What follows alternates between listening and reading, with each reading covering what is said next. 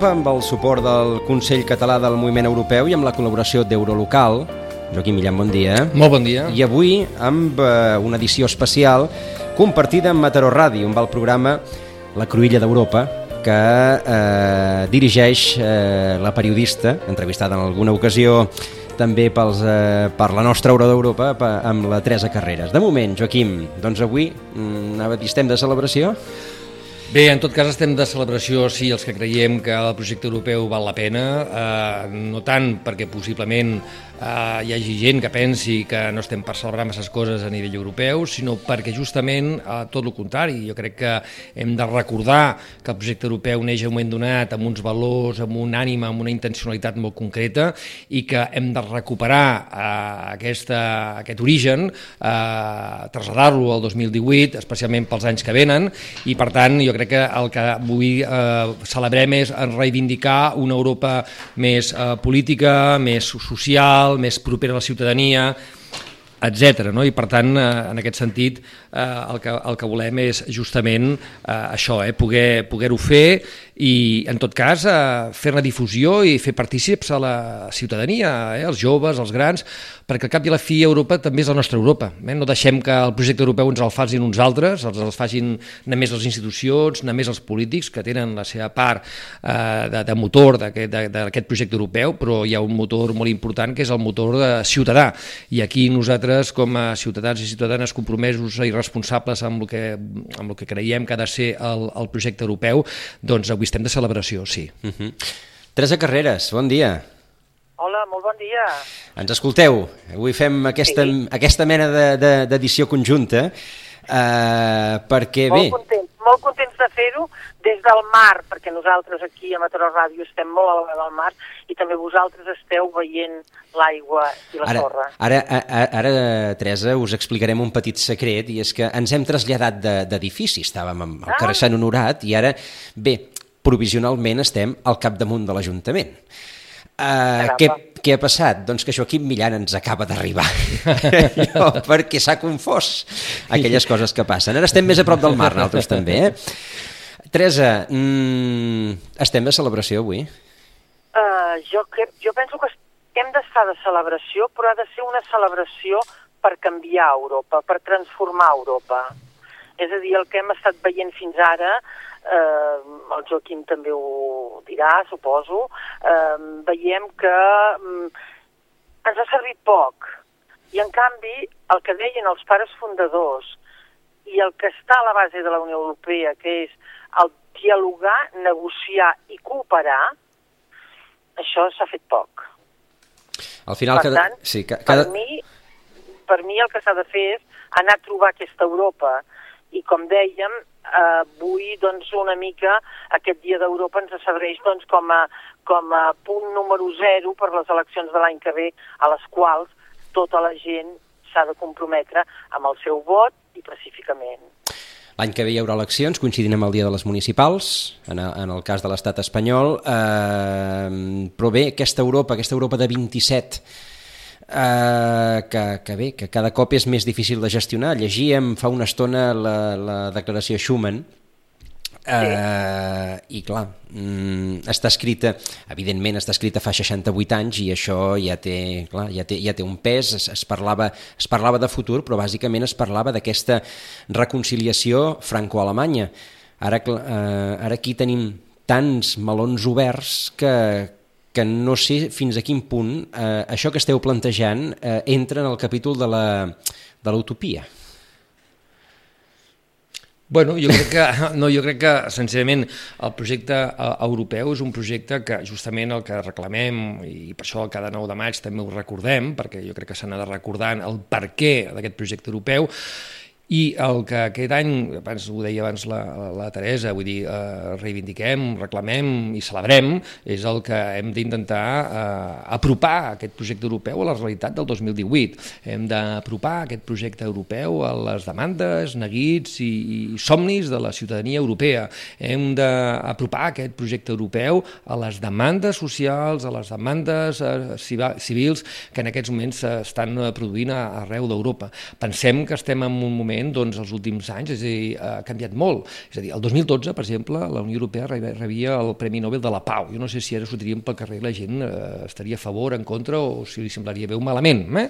I, I no vull fer l'enquesta perquè segurament eh, sortiria decepcionat perquè la majoria de gent diria no, no, no, no això del de la, el Premi de la Pau, amb el que ha passat amb els refugiats, amb el com en aquests moments s'estan pues, d'alguna manera menys tenint els drets eh, més democràtics d'alguns països membres de la Unió Europea i la Unió Europea no fa massa cosa o intuïm que no fa, no fa res, etc. Per tant, jo crec que el que hem de recuperar i reivindicar és una nova Europa, transformar Europa, el que deia la Teresa, m'agrada la paraula transformar perquè el projecte europeu el necessitem, l'alternativa ja la coneixem, eh? vull dir, és primeres, segones guerres mundials, etc etc. és l'Europa de solucionar les coses amb el conflicte i malauradament el conflicte armat. Fins que no vam crear aquest projecte és el que habitualment passava al territori europeu, eh? amb, amb tots els estats membres eh, que, que hi havia en aquell moment, i etc. No? Per tant, jo penso que hem d'implicar la ciutadania, jo penso que la ciutadania no ha de deixar que aquest projecte europeu l'acabin fent a més institucions i polítics, sinó que és un projecte de ciutadania. I aquí és on eh, nosaltres treballem amb una xarxa que diem la xarxa XEC, que és la, la xarxa d'entitats europistes de Catalunya, que la composen moltes entitats que treballen per aquest tema i que el que ens preocupa un any vista de les eleccions és justament això, no? i reivindicar pues, una, una, una, que es faci una campanya europea en clau europea, que, que es torni a reivindicar el poder de la ciutadania eh, també eh, en el projecte dels propers anys eh, europeu, que també puguem fer una Europa més social, el pilar social s'està deixant de banda, etc. Jo penso que en aquest sentit coincidim, perquè a més a més amb la Teresa, perquè a més a més hem signat conjuntament amb dos companys més, la, la Marta Junquer i el, el Max Vives Fierro, un, un article que avui surt publicat a, en, el, en la versió... El periòdico de Catalunya. Exacte, uh -huh. i coincidim amb això. No sé, Teresa, com ho veus tu? Jo veig que realment eh, ets optimista com sempre, jo també intento ser-ho, però l'Europa social no ha existit mai i hem d'anar cap a aquesta Europa social. Per tant, l'hem de transformar cap a aquesta Europa social. I jo que diria és que al llarg de tots aquests anys hem tingut tres discursos sobre Europa que, que, que la intenten definir. La dels estats, que utilitzen els governs i la cooperació entre els governs, la del funcionariat, que és la segona, i que és la que ha creat aquesta casta que costa tant que moltes vegades, per més esforços de comunicació que fa Europa des d'allà i des d'aquí, des de Barcelona, amb el Ferran Tarradellas, la Comissió Europea, el Sergi Barrera, el Parlament Europeu, etc, però que no acaba d'arribar als ciutadans. I també el tercer missatge és el de la ciutadania, que aquest ha estat el més mal tractat, entre cometes, durant tots aquests anys. Per tant, jo mm, continuo dient que dialogar, negociar i cooperar són els tres valors més importants, tot això eh, en pau, això naturalment, eh? però doncs són els tres valors més importants que, que ens van ensenyar els pares fundadors i que si no anem cap aquí en un projecte purament polític, perquè el que estem fent és fer política. El que passa és que aquest diàleg dels, dels funcionaris moltes vegades ho han allunyat de la política. Ara mateix el president de la Comissió Europea i del Parlament Europeu quan diuen eh, el tema de Catalunya és un tema intern d'Espanya, ho allunyen de la política i estem fent política. Certament, el, el problema probablement podríem trobar-lo en què eh, la, la resposta que s'està donant en els, eh, eh, en, en els diversos eh, àmbits estaria, estaria més relacionada amb, amb que eh, Europa no està, no està responent, no està eh, posant sobre la taula maneres de gestionar les múltiples crisis amb les que s'està trobant. Per una banda, eh, tenim la crisi dels refugiats, per una altra banda, el problema polític que representa doncs, el, el cas català. Eh, per altra banda, la gestió del Brexit i el, i el naixement de, de totes les, eh, les diverses eh, veus euroscèptiques que cada cop tenen, tenen més paper dintre de la Unió. I davant d'això, doncs clar, més que, més que diàleg, com a molt l'espantall de l'article 7, i, i, i, i, i, poca, i poca cosa més i aquesta, i aquesta cuina interna que, no, que, que mai s'acaba sabent a, a, a on es porta i la veu internacional de la, de la Unió Europea doncs que també queda cada cop més, més diluïda. I la prova és, és eh, el que feia ahir mateix el president nord-americà retirant-se d'un acord i després Federica Mogherini dient no, no, sobretot iranians no, no marxeu però clar, al final doncs, eh, eh, els, eh, el paper de la Unió Europea que, que queda cada cop més, més diluït, és a dir, més ingestionable a nivell intern i més diluït a, ni, a nivell extern. I aleshores doncs, dona aquella sensació que, que, que alguna cosa falla o que, o que som masses o que, o que ningú té eh, la capacitat d'agafar la paella pel mànec per dir, bueno, doncs, doncs eh, fem-ho fem d'una vegada, però fem-ho ja. No sé, és, eh, ara he Clar. fet d'advocat del diable, eh, Teresa, si no, em permet. No, per mi has fet una descripció molt bona. Jo et felicito perquè ojalà quan se sent parlar d'Europa en els mitjans es fos tan clar com ho has estat tu ara mateix. Jo, a mi em sembla que mm, som masses, no durant molts anys aquest segon discurs de la Unió Europea ha creat una capa, una casta eh, funcionarial que ha allunyat per mi. I, i que això ho han utilitzat els polítics quan un tema no els ha, no els ha interessat. Han dit no, d'això en tenen la culpa a Brussel·les quan els interessa llavors sí, m'entens? Però per mi no és que siguem masses és que els, els fronts oberts que tu deies que té la Unió Europea ara hi ha de poder fer front. I ha de poder fer front perquè com tu has molt bé dit, el tema de, de que el president Trump s'hagi retirat de l'acord amb Iran posa el món en una situació molt més difícil. Iran podrà assolir de tenir la bomba atòmica, etc. i per tant desestabilitzarà aquella regió. I llavors això vol dir que no pot sortir la senyora Mogherini mmm, com si fos eh, la persona que li porta la llibreta eh, en el senyor Trump. A mi em sembla que la Unió Europea, la Comissió i el Parlament han de plantejar polítiques abans, a l'avançada, evidentment, amb la complicitat dels estats. I a més, si realment tenim la figura de la Federica Mogherini, que és vicepresidenta de la Comissió i porta els temes d'afers exteriors i de, de, de la pròpia Unió Europea, eh, és clar, fins ara no li han donat massa paper i, ara, i avui reivindiquem que hauria d'haver estat ella més, però si som els mateixos de la Unió Europea que no la deixem massa, eh, fer pobra dona, i ara li fem fer aquest paper, i ara li diem, ah, és que Federica, tu haguessis tingut que dir o deixar de dir.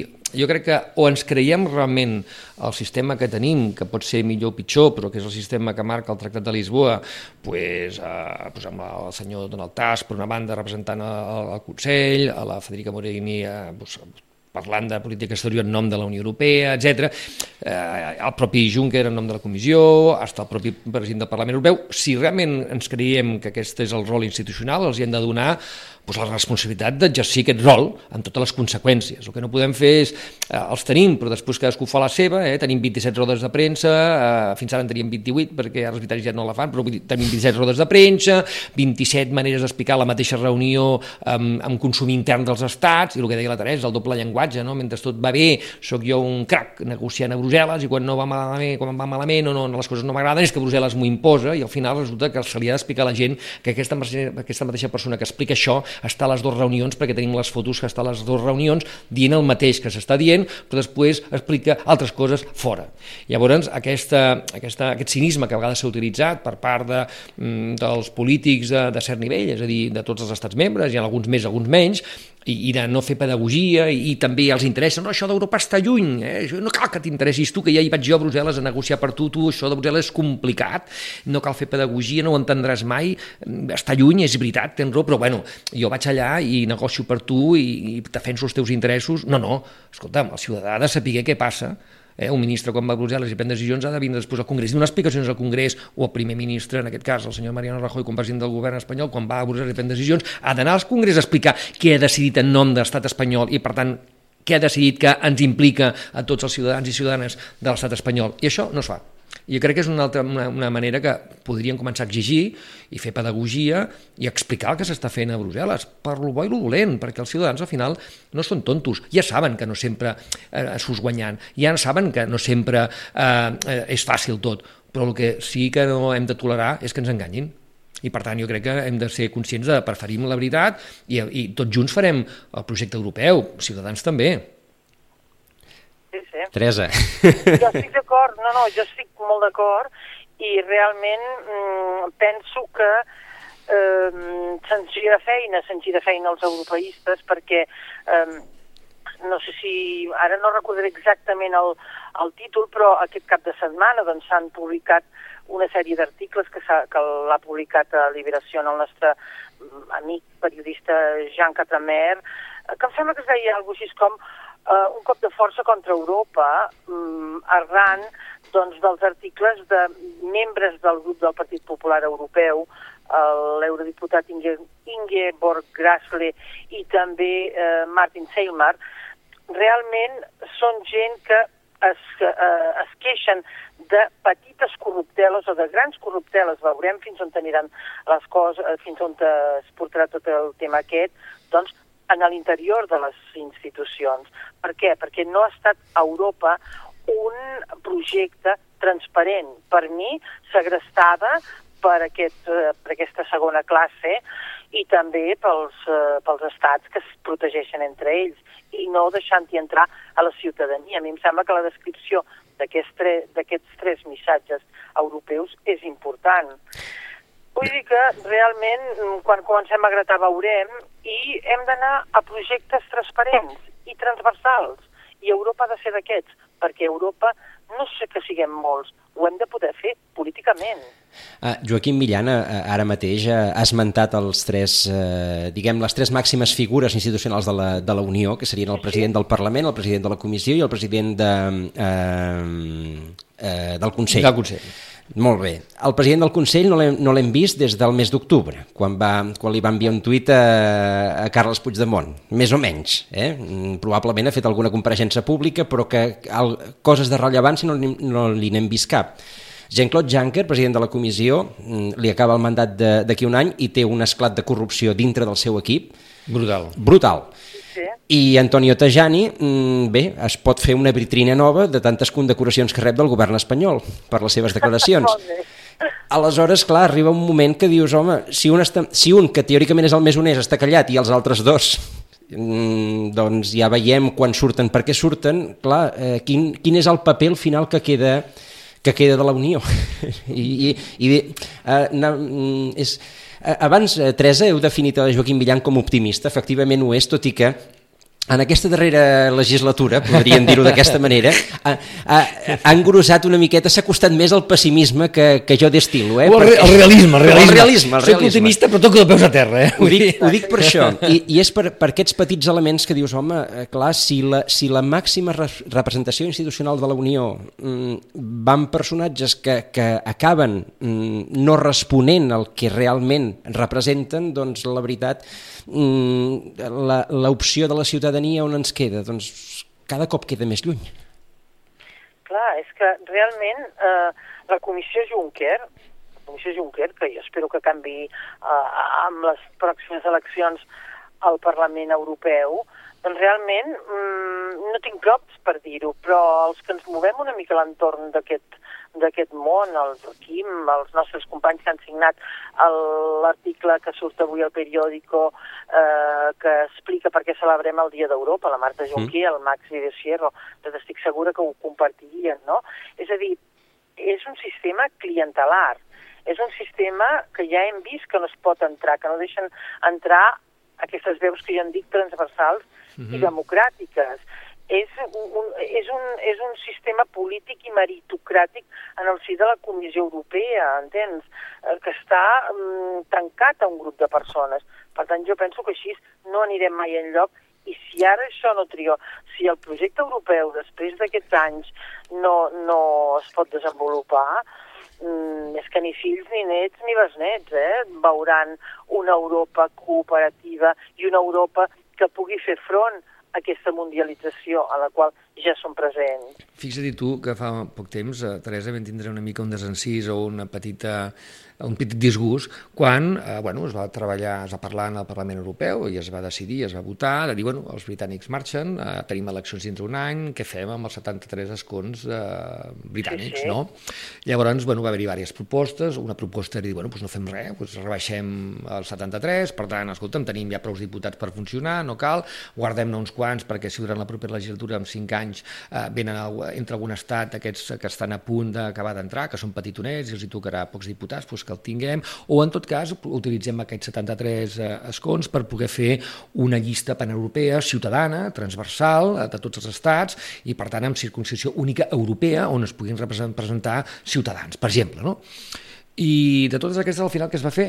Pues el propi Parlament Europeu, que és la institució més propera a nosaltres, i per tant els diputats i diputats del Parlament Europeu, van decidir repartir-se'ls.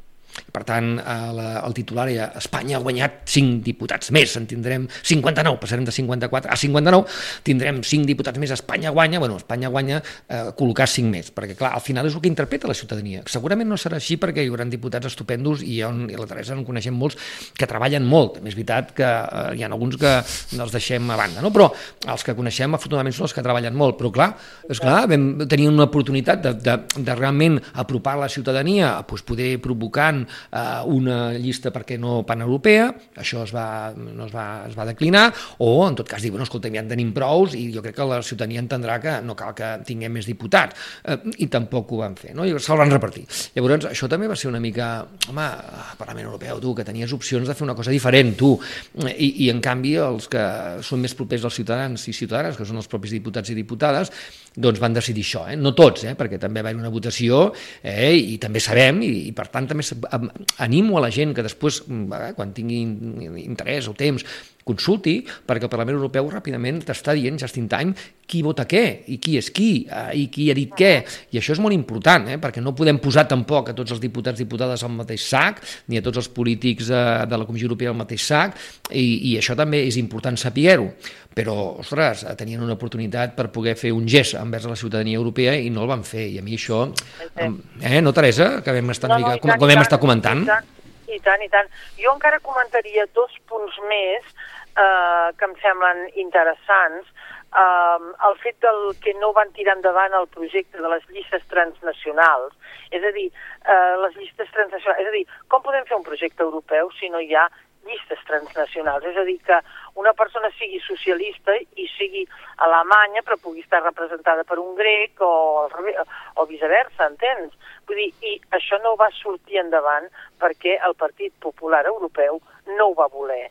Això jo ho trobo horrorós perquè les eleccions són cada cinc anys, perquè anem cap a un projecte polític, s'han de canviar les normes internes de les institucions i, per tant, un primer fre que realment és molt, molt important. No sé què et sembla, Quim.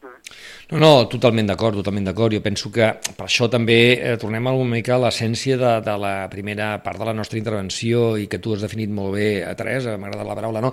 Hem, hem, hem de celebrar eh, la transformació d'Europa, hem d'implicar-nos, hem de reivindicar eh, que realment els ciutadans són importants en aquesta, aquest futur de la Unió Europea, tenim eleccions dins d'un any i no podem permetre'ns que l'Europa ens la fagin uns altres, eh? perquè després també també direm que nosaltres també som corresponsables responsables, encara que sigui, eh, jo quan vaig estudiar dret, eh, ho pot ser per activa eh, o per passiva, i serem corresponsables per passiva. Bueno, això a Europa no m'interessa que ho facin, després jo em queixaré, tal, però jo no, quan he pogut no he dit res ni fet res i he passat una mica de puntetes jo crec que els ciutadans han de començar a exigir també a, les, a totes les instàncies, des de l'àmbit local, a l'àmbit eh, regional, la Generalitat, estatal i també a nivell europeu, a les institucions europees, quin projecte d'Europa volem clar, eh? per aquest, això que acabo de dir ara és una de les coses a, a, a canviar i una altra de les coses a canviar és també que si, us, si ens hi fixem, eh, el, a, a les institucions europees sobreviu aquesta bipolaritat entre um, populars i socialdemòcrates, eh, que encara continuen sent majoria a, a l'Eurocàmera i majoria a, la, a les institucions això és degut a la manera com s'escullen els, els grups i, les, i la participació interna a l'Eurocàmera. Això que tu saps molt bé, Joaquim, que són 25 diputats, com a mínim 25 de 7 estats membres. Correcte. Això només ho poden tenir aquestes grans formacions. Però aquestes grans formacions s'alien i deixen a fora molta gent que formen part d'altre tipus de partits. En aquest cas, potser sí que n'hi ha alguns que són més populistes, això no ho nego, però eh, que són, formen part de moviments socials, que és cap allà on va Europa.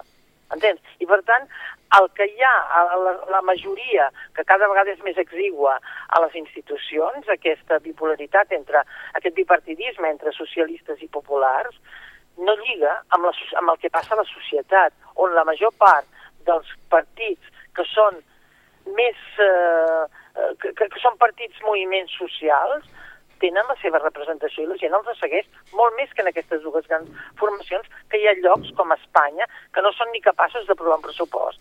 I ja està bé. Probable, probablement sí, també tindrà eh, relació en tot plegat que el mateix bloqueig que exerceixen aquests grans partits fa el, que, que creixin no només eh, formacions de, de caràcter social que, que no poden sortir, sinó formacions de caràcter populista que, que neixen com a resposta en aquest, en aquest propi bloqueig. Per tant, al final, eh, són ells mateixos que s'ho mengen, no volen perdre poder, però, eh, diguem, en, en el pecat està la penitència. Sí, sí. no, no, això tens raó. Uh, reclameu reclameu uh, que la campanya de l'any que ve de les eleccions uh, municipals i europees parli dels reptes que, que hi ha als nostres pobles i ciutats de, i parli d'Europa, sobretot d'Europa, ja serà difícil l'any que ve que es parli gaire d'Europa, tal i com estem. Però bé, reclameu això, reclameu més poder per la ciutadania, una utopia, però en qualsevol cas eh, està bé que es posi per escrit, reclameu protecció dels drets de llibertat d'expressió i de, dels drets polítics, no hem tingut temps de parlar-ne i, i podríem també fer, fer una llista molt llarga de com, de com es, eh, Europa es posa de perfil eh, respecte de la protecció dels drets i per últim reclameu, també ho has dit Teresa, una Europa més social, política i democràtica i més ampliació cap a l'est, més visió de futur. Correcte, l'has clavat, l'has clavat, eh? És que, esclar, més així és que no, l'Europa que nosaltres volem, és a dir, la política es fan des de posicions. Fins ara fa, eh, fa poc que deia, no, no, és que ja no és dreta-esquerra, ara doncs no sé què és, entens? però sí, per mi la política continua sent conservadorisme, dreta, aquestes visions que ho veuen tot tan centralitzat i, i, i sense perdre el control, o bé esquerra, és a dir, aquestes visions més transversals, més, amb, més participació de majories de la gent. Aquesta és l'Europa que nosaltres, jo personalment, voldria contraposar en aquesta altra Europa tan, tan tancada i tan conservadora. I com per fer això, què necessitem? Els partits polítics, perquè per ara, que encara els partits polítics es mouen en principis del segle, no sé, ja diria jo 19, entens? Jo diria el segle XIX, eh, doncs eh, que aquesta, aquesta participació sigui una participació real de ciutadania, no només de, dels, eh, no només dels vigents. Doncs a veure si podem actualitzar aquesta declaració Schumann, oi? Perquè Europa entra al segle vegada eh, abans de que doncs, el, el projecte o el temps o, o, o la geopolítica o, o el que vulguem se l'acabi menjant. Teresa Carreras, moltíssimes gràcies per aquesta estoneta. Molt bé. En continuarem, en continuarem parlant, de ben segur, perquè d'aquí un any hi ha les eleccions europees i, i serà interessant probablement també compartir una estona amb els amics de Mataró Ràdio, oi? Evidentment, evidentment. Sempre som benvinguts i fem bona feina junts. I tant. Doncs Teresa... A la vostra disposició molt... i feliç dia d'Europa per I... Ah, exacte. Us anàvem acomiadant amb el mateix. Moltes gràcies, Teresa. A Una abraçada forta i bon dia d'Europa. A veure.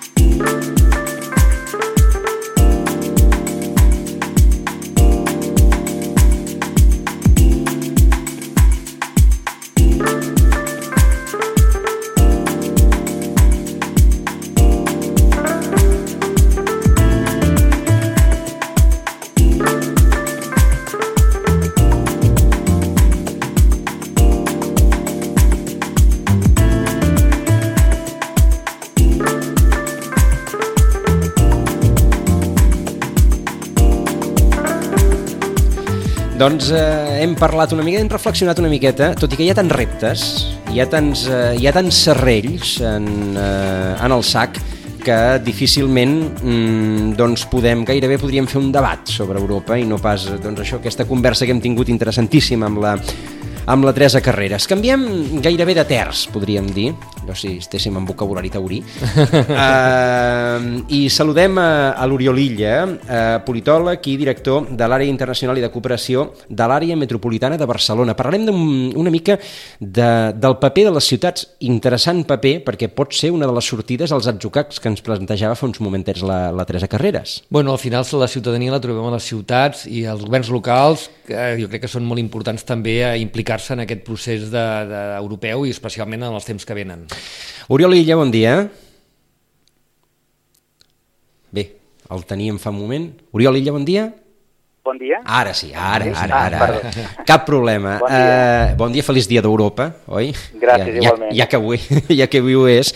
Uh, ens plantejàvem amb en, amb en Joaquim Millan quin és, quin és el paper que han de tenir les ciutats en una, en una Europa plena d'interrogants.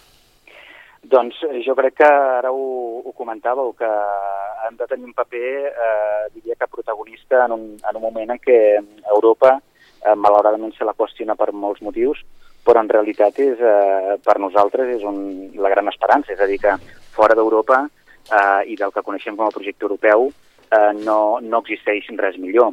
Però és veritat que hi ha un, un qüestionament i una crítica i un cert euroscepticisme i, per tant, les ciutats eh, tenen un, una oportunitat per reivindicar-se i per eh, demostrar que des de la ciutat, des de l'àmbit local, també es pot fer Europa. No?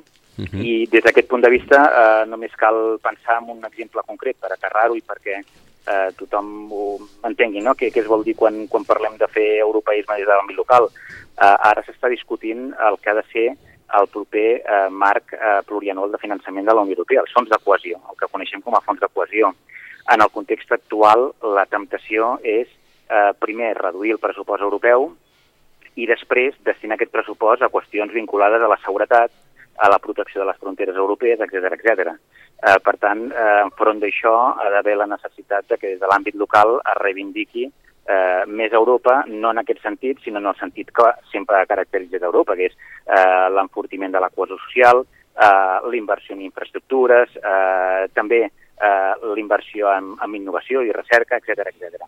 I per tant no, no hi ha un únic model d'Europa, n'hi ha molts, i des de l'àmbit local la nostra obligació i també el nostre compromís és treballar eh, per aquest model d'Europa que, que quan parlem d'Europa tots, tots tenim al cap. De fet, eh, el que, bé, aquesta Europa que cada cop és més vista com a caduca, aquesta Europa dels estats, eh, són les, les ciutats, les conurbacions urbanes, els pols econòmics, en definitiva, eh, diguem, l'única oportunitat de, de futur que té la salvació d'un projecte com l'europeu? Mm, jo diria, mm, preferiria pensar que el, el futur d'Europa passa per la ciutadania, és a dir, al final quan parlem de conurbacions urbanes estem pensant en, en el cas d'Europa amb més del 65% de la població europea. Uh -huh. Per tant, estem parlant al final de, de ciutadania i sí que és veritat que hi ha hagut un, un cert eh, apoderament del, de les institucions europees, sobretot de la Comissió, eh, per part dels estats, i això vol dir per part dels interessos particulars dels estats, però enfront d'això doncs, hi ha una realitat econòmica, demogràfica, social, que és la que, la que hi ha a les ciutats europees. I, i és veritat que els darrers anys, a manca de, de grans institucions que defensin els interessos de les ciutats, doncs s'han creat eh, espais o xarxes que defensen aquests interessos, com la xarxa europea d'àrees metropolitanes, l'EMA, que interlocuta directament amb les institucions europees per defensar els interessos de les ciutats, que són els interessos de la ciutadania. Però, efectivament, és a dir, enfront d'aquesta Europa que, no, que dieu una mica que, que és caduca perquè és la, la suma estricta dels estats i dels interessos d'aquests estats, eh, òbviament hi ha l'Europa més ciutadana, l'Europa més local, no? l'Europa que, que al final doncs, té, té un munt de reptes eh, davant seu. De fet, això lligaria amb, amb el que eh, apuntaven fa una estoneta la Teresa Carreras i en Joaquim Millan, la, la necessitat de que sigui la ciutadania la que, la que prengui un paper eh, protagonista o rellevant en aquesta, en aquesta unió. Oh, i totalment d'acord, no? i a més a més, com deia molt bé l'Oriol, apuntava al final a ciutadania, binomi ciutat, municipi, poble, vila, digue com vulguis, eh, és molt important. Pensa que, per exemple, l'any vinent estem un any vista d'eleccions locals i europees que es produiran a casa nostra el mateix dia, eh? segurament, eh? el mateix dia, sempre ha estat així quan han coincidit, no sempre han coincidit, però quan han coincidit ho han fet el mateix dia. Per tant, jo penso que també eh, posar aquest accent europeu a la política local, amb aquest binomi àmbit local, àmbit europeu, cada vegada és més evident. De fet, per moltes polítiques que, i estratègies de la Unió Europea, el seu soci eh, preferit ja és a l'àmbit local, perquè al final és on es produeixen, normalment, eh, les conseqüències d'aquestes estratègies polítiques, eh, diguéssim, el tema canvi climàtic, tots hem abraçat, i els que no saben positiu, doncs el pacte pel canvi climàtic europeu, i que ha estat una cosa també molt important, perquè vol dir també la voluntat, doncs, amb un tema com és un canvi climàtic que afecta a tots els territoris no? i a les ciutadanies, perquè aquí no hi ha fronteres no? quan parlem de canvi climàtic, per tant, és una cosa evident. No? I, per exemple, doncs, eh, l'Oriol ara, a través de l'àrea metropolitana de Barcelona, Barcelona doncs ho veu conjuntament quan, eh, clar, hi ha, hi ha 36 municipis que conformen l'àrea metropolitana de Barcelona, que són diferents, però en canvi cooperen per projectes europeus i per projectes nacionals cada vegada més, no? Vull dir, això l'Oriol ens ho pot explicar perfectament, que és una dinàmica que s'està produint i s'està intensificant amb els, amb els últims temps, no, Oriol? Sí, sí. I, i lligant amb això que comentava el Joaquim, hi ha un element important eh, que també ho, ho vinculo amb el fet de per què els municipis eh, poden ser importants en, en aquest debat. Eh, en totes les agendes globals, eh, el que s'està discutint ara són com fer front a reptes, òbviament, globals, no? com pot ser el canvi climàtic, eh, com pot ser la, la cohesió social, com pot ser la mobilitat no? en, en, en conurbacions urbanes, i tots aquests reptes, al final, encara que es discuteixin en àmbits globals, només tenen eh, resposta en l'àmbit local i, i els, els representants locals, eh, siguin consellers metropolitans, siguin alcaldes, siguin eh, regidors, eh, tenen un paper clau. És a dir, quan parlem del canvi climàtic i estem parlant d'actuar en el municipi, eh, té, té, té aquesta relació, és a dir, el que no faci el municipi no ho farà ningú que no sigui el municipi en temes de canvi climàtic, en en termes de, de mobilitat. I amb això la, la, la Comissió Europea hi té, hi té posat l'ull, és a dir, que està fent o està preparant un, un programa en el qual els municipis hi tindran molt a dir, si volen dir, òbviament, però aquí està el vincle de, del que és l'agenda global, dels grans objectius, no? de, com amb els objectius del mil·lenni, no? amb la reducció de la pobresa, i la importància que tenen els municipis a l'hora de fer front a, a tots aquests problemes. No? Per això, d'aquí ve la importància eh, o la rellevància de treballar des de l'àmbit local i, com deia el Joaquim, també fer-ho de forma eh, col·laborativa, eh, cooperant amb altres municipis. En el cas de l'àrea metropolitana de Barcelona, eh, si fem una mirada de, eh, des de dalt, des del cel, veiem que és molt difícil distingir segons la trama urbana en quin municipi estem. No? Això vol dir que eh, per fer polítiques contra el canvi climàtic no té sentit que un municipi sol doncs, la, les faci. No? D'aquí ve la importància que tot el que és la trama urbana, tot el que són la suma aquesta de municipis, no? les conurbacions urbanes, puguin treballar de forma eh, col·laborativa. Però és molt important això, en, en els grans temes de l'agenda global, qui té la possibilitat de canviar i també d'exigir, de reivindicar eh, millores són els, és l'administració local. Eh, s'entenen millor les, eh, les conurbacions urbanes entre elles que els estats entre ells? Sí, són. Si estan... Eh, sí, no, ara, Sí, eh, parlant, parlant, no sé, parlant amb la gent de París, posem per cas, o, o parlant amb la gent, no sé, de... Mireu, jo, jo, jo sempre que em toca envoltar eh, veig que quan es fa referència als estats, uh -huh. eh, l'agenda política no només és molt diferent, sinó és oposada entre ells, perquè els estats tenen interessos que col·lisionen. Però, en canvi, quan fem el mateix exercici en l'àmbit local, és a dir, quan anem a una trobada mundial d'àrees metropolitanes o en una, en una trobada mundial d'administracions locals d'ajuntaments, veiem que els problemes són els mateixos. És a dir, com aconseguim planificar millor urbanísticament, com, evit, com protegim el, les zones verdes i els parcs naturals. És a dir, quan parlem amb l'àmbit global des de lo local, ens entenem perquè tenim el mateix problema. Quan ho fan els estats, no. I això també pot ser un avantatge a favor nostre a l'hora de ser molt més eh, flexibles, mm, que tinguem capacitat de respondre als problemes més del que eh, ho puguin ser els, els estats. Ara resultarà que el problema seran els estats, oi? a veure, uh, ara d'aquí uns, uh, unes setmanes, el, entre el 22 i el 24 de maig, tindrà lloc a Barcelona un congrés, un congrés internacional Post-Habitat 3, oportunitats futures de la metròpoli, una contribució a la nova agenda urbana eh, és una manera de trobar-se, no, aquesta? Bueno, és, és una manera de, això de posar eh, sobre en peu i posar sobre paper eh, quines respostes s'estan donant eh, arreu del món amb problemàtiques locals. El Habitat 3 és una conferència que organitza Nacions Unides cada Mhm. 20 anys.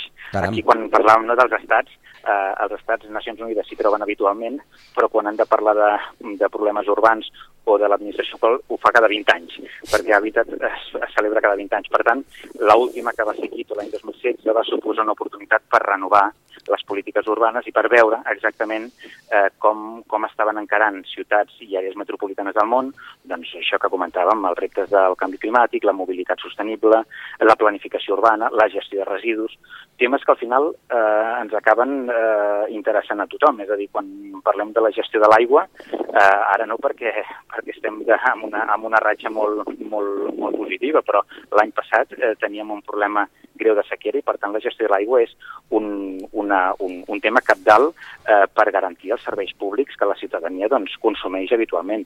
I, per tant, aquesta trobada, el Poshabitat 3, que fem el 22, 23 i 24 de maig eh, a Barcelona, ens ha de servir per fer una contribució a aquesta conferència eh, que es diu Habitat 3 que, que organitza Nacions Unides.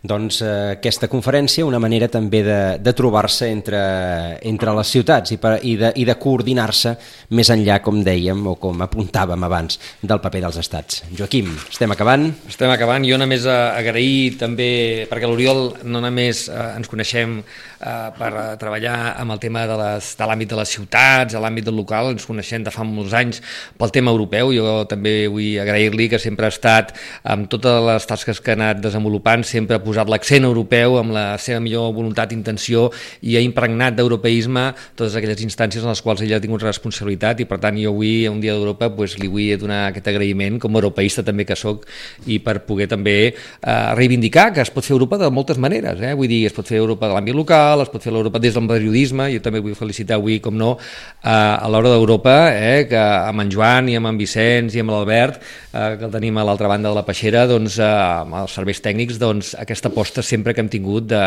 de parlar d'Europa, tot sovint. Oriol Illa, Gràcies a tu, Joaquim, i gràcies a vosaltres també. molt, moltes gràcies per haver-nos per haver atès i que continuï aquesta, aquesta bona entesa, aquesta cooperació. Gràcies, bon dia.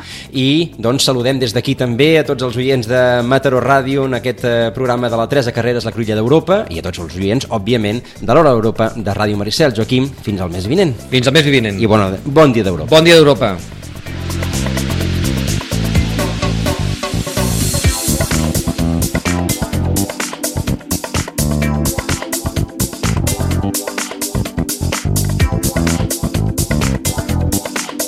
Ràdio Maricel, cada dia, al matí amb nosaltres.